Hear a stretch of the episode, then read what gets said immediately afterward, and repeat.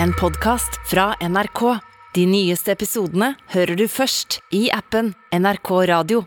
Nå er det fredagspanel. Nå er det panel. Vi har fått inn en eh, kremgjeng som alltid på fredager. Vi skal begynne på venstre flanke her. Hilde Charlotte Solheim, journalist, jeger og forfatter. Morgen, morgen. Morgen, morgen. Og så har vi med Ahmed Fawad Asraf, som er journalist og nå debattredaktør i Avisa Oslo. Hei. Velkommen. Og så har vi en debutant. Jonas Brenna. Produsent i Aftenposten. God morgen. Jeg er veldig spent. Ja, det er veldig bra.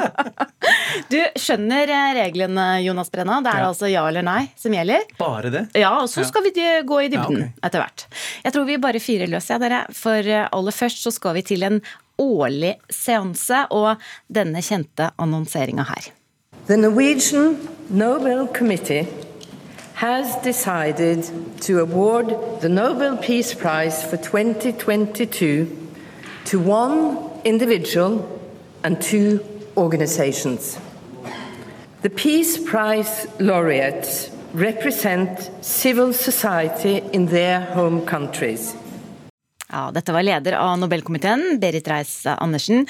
Og tidligere denne uka så kunne vi høre at Språkrådet nå er kritiske til at Nobelkomiteen bare kunngjør tildelingen av Nobels fredspris på engelsk. I oktober i år kunngjorde Nobelkomiteen vinneren av årets fredspris, og kunngjøringen var altså bare på engelsk. Tidligere har vinneren av fredsprisen blitt kunngjort både på norsk og på engelsk.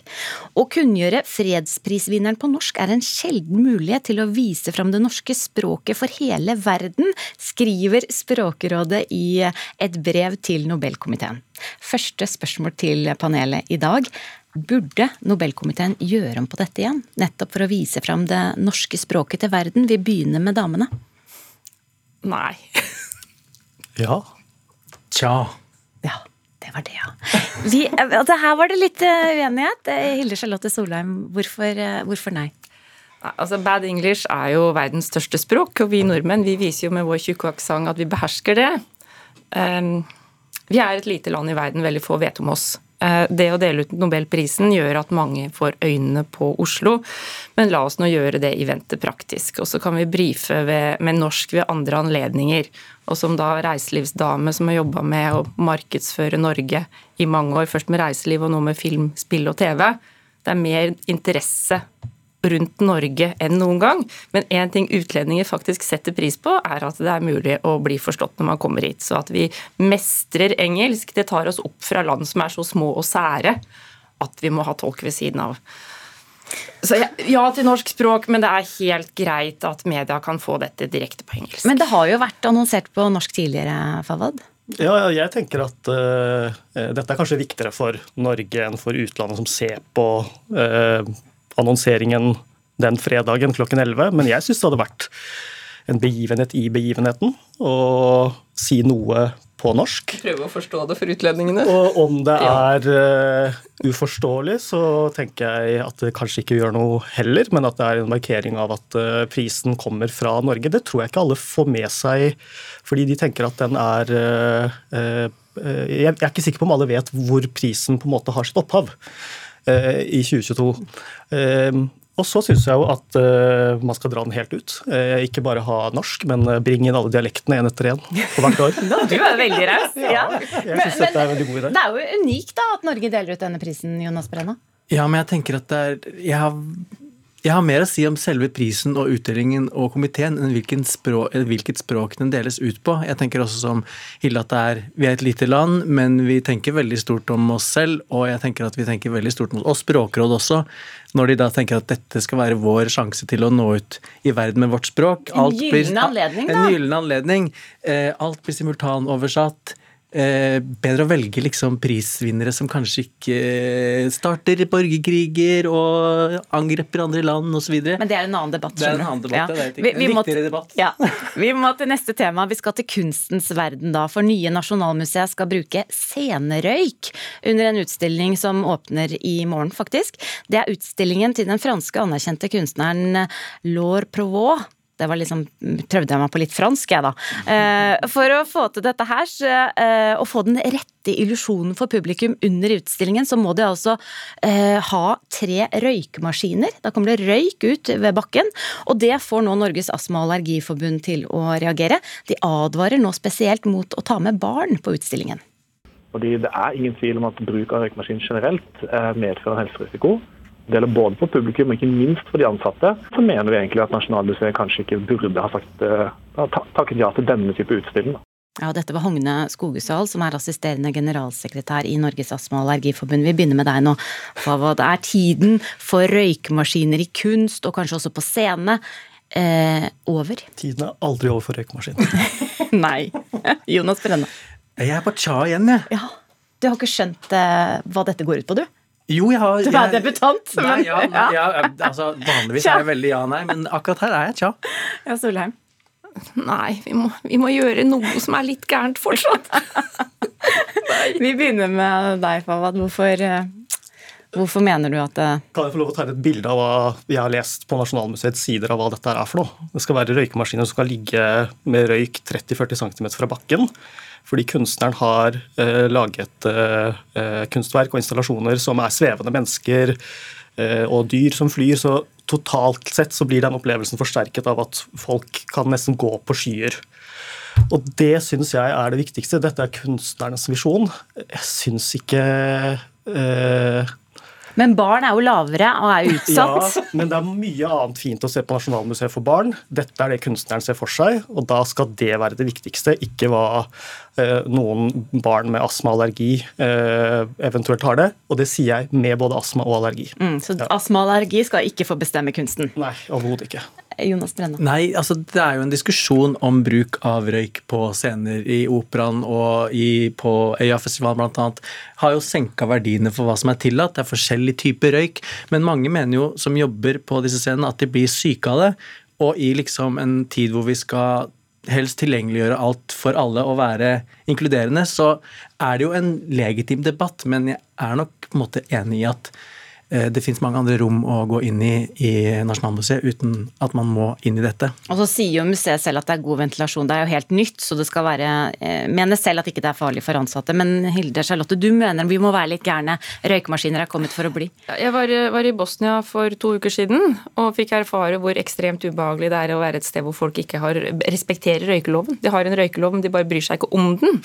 Eh, Så jeg er jo opptatt av helse, miljø og sikkerhet, men et, at et kunstverk ikke skal kunne gjøre dette på et avgrenset sted, så tenker jeg da, da blir samfunnet til slutt sånn at vi skal pakke oss inn. Skal vi gå ut døra med sykkelhjelm, liksom?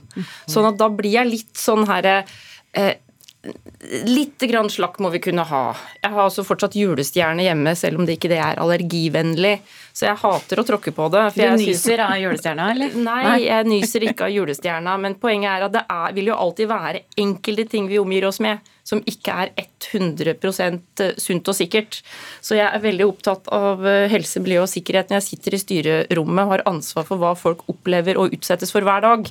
Men jeg opplever dette her litt mer som en sort svane. Det er en sjelden sak. Det er ikke dette som kommer til å påvirke folkehelsa. Jeg er generelt litt lei av at alt skal innrettes etter alle. Dette er kanskje ikke noe alle skal få sett, og det er helt greit.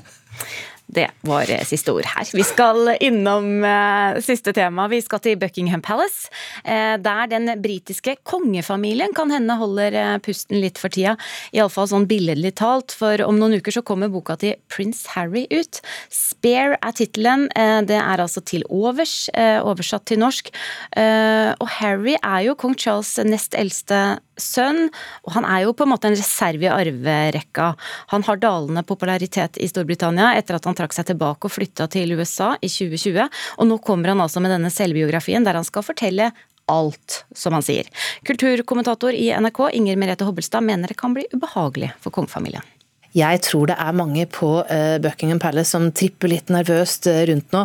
Det er grunn til å tro at prins Harrys eh, beretning kommer til å være sår. Det er velkjent at han ikke har vært lykkelig alltid som prins. Han har følt seg satt til side, og at han ikke har blitt beskyttet og ivaretatt på en god måte. og Dette er det grunn til å tro at han kommer til å beskrive i detalj. Ja, og Spørsmålet til panelet da, tror dere denne boka kommer til å rokke ved kjærligheten britene føler for kongefamilien sin? Jonas, du får begynne nå. Absolutt ikke. Nei. Hilde? Nei. Jeg håper det. Ja. Men jeg tror ikke det. Nei. Men det var et eh, ja. Ja, ja. Jonas, utdyp. Nei, altså Vanligvis når eh, man annonserer bøker som skal fortelle alt, så syns jeg for det første at de sjeldent gjør det. Så jeg er litt sånn skeptisk til hvor mye krutt det kan være. Pluss at skittentøyvaska til den britiske kongefamilien har jo hengt ute i årtier. eh, Og henger fortsatt ute, og skal henge i flere årtier igjen også. Så, og britene de virker jo upåvirket av alle skandalene, som det jo er mange av. Ja, det er jo mange. Jeg ville vært mer bekymra hvis jeg var uh, Harry. For Gud vet hva som vil skje med han hvis han avslører uh, for mye. Blir stua bort på hospits med niesene til uh, dronning Elisabeth. Enda Jeg mer bare reserve. spør. Jeg bare, Hilde Charlotte. Det viser jo hvor makabert det er å være født inn i en rolle du ikke kan komme deg ut av. Det er jo ingen tvil om at både han og andre kongebarn burde ha sluppet. Men at vi ikke klarer å gi slipp på den, på den institusjonen. At hver gang vi diskuterer hvordan det kunne vært, så trekker man fram det verste politikereksempelet og sier vi kan i hvert fall ikke ha en sånn som president. Så tror jeg at kongehuset trenger også å holde seg relevant. For at firmaet skal holde det gående. Ja, det er en måte å holde seg relevant på? Det ser jo ut som dette vedvarer, og at støtten om dette monarkiet vedvarer til tross for skandalene, til tross for at vi gang på gang beviser at det er ikke noe lurt å være født inn i en sånn rolle, eller at noen privat, noens privatliv også skal være underholdning. Nei, Nei det, er, det er en suppe. Men jeg tror faktisk at de kommer til å holde fast på det, for det er det på en måte det de har. Ja. Fava, du var litt inne på at dette kan uh, påvirke forholdet. Jeg tenker på, tenker på kongelige som noen av de mest privilegerte menneskene i verden. Og så tenker jeg på de, noen av de, uten at de vet det selv, at de er fanget. Så Sånn sett er det interessant å høre hva han har opplevd, hvordan oppveksten hans har vært. Det har jo skjedd opprikkelig traumatiske ting. Moren døde i 1997 da han var et barn. Han har hatt mye dårlig omgang med pressen. Eh, Og så har det vært et brudd med familien pga. kjærligheten og ekteskapet til Meghan Markle. Eh, Så jeg håper da dette er en bok med balanse. At det er både noen juicy historier eh, som letter på sløret, men også selvransakelse over sin egen situasjon. Da er den kanskje interessant. Om den får folk til å skifte side i diskusjonen, det tror jeg ikke. Fordi han og kona havner også i det der polariserte verdensbildet vi er i, og at hun kanskje er den som trekker i trådene, styrer ham og har tatt ham med til Hollywood osv. De er jo dobbeltdippere. De har jo lyst til å fortsette å være kongelige og ha hele oppsiden, og så vil de velge bort nedsiden. Litt som Märtha har brukt tid på å eh, slutte å bruke prinsessekortet til å drive business i engleskole. Sånn at det det er, du er ikke litt gravid. Så enten så er du kongelig og jobber, eller så kan du kanskje melde deg helt ut. Og, og, til, og til og med ta bort tittelen. Ja, Det er noen paralleller, helt klart. Vi får, det gjenstår å se. Vi får følge med. The Crown eh, sesong fem kommer neste uke, og det kommer jo også en sesong seks. Da kommer dette med. Så får vi se. altså, det norske kongehuset har jo også sine svin på skogen, og vi elsker jo de like fullt. Tydeligvis. Da får debutanten siste ordet. Og tusen takk til panelet, som eh, altså besto i dag av eh, Hilde Charlotte Solheim, Ahmed Fawad eh, Ashraf og Jonas Brenna. Vi ringer igjen, kan vi ikke si det sånn? Jo, det, la oss gjøre det. Du har hørt en podkast fra NRK. De nyeste episodene hører du først i appen NRK Radio.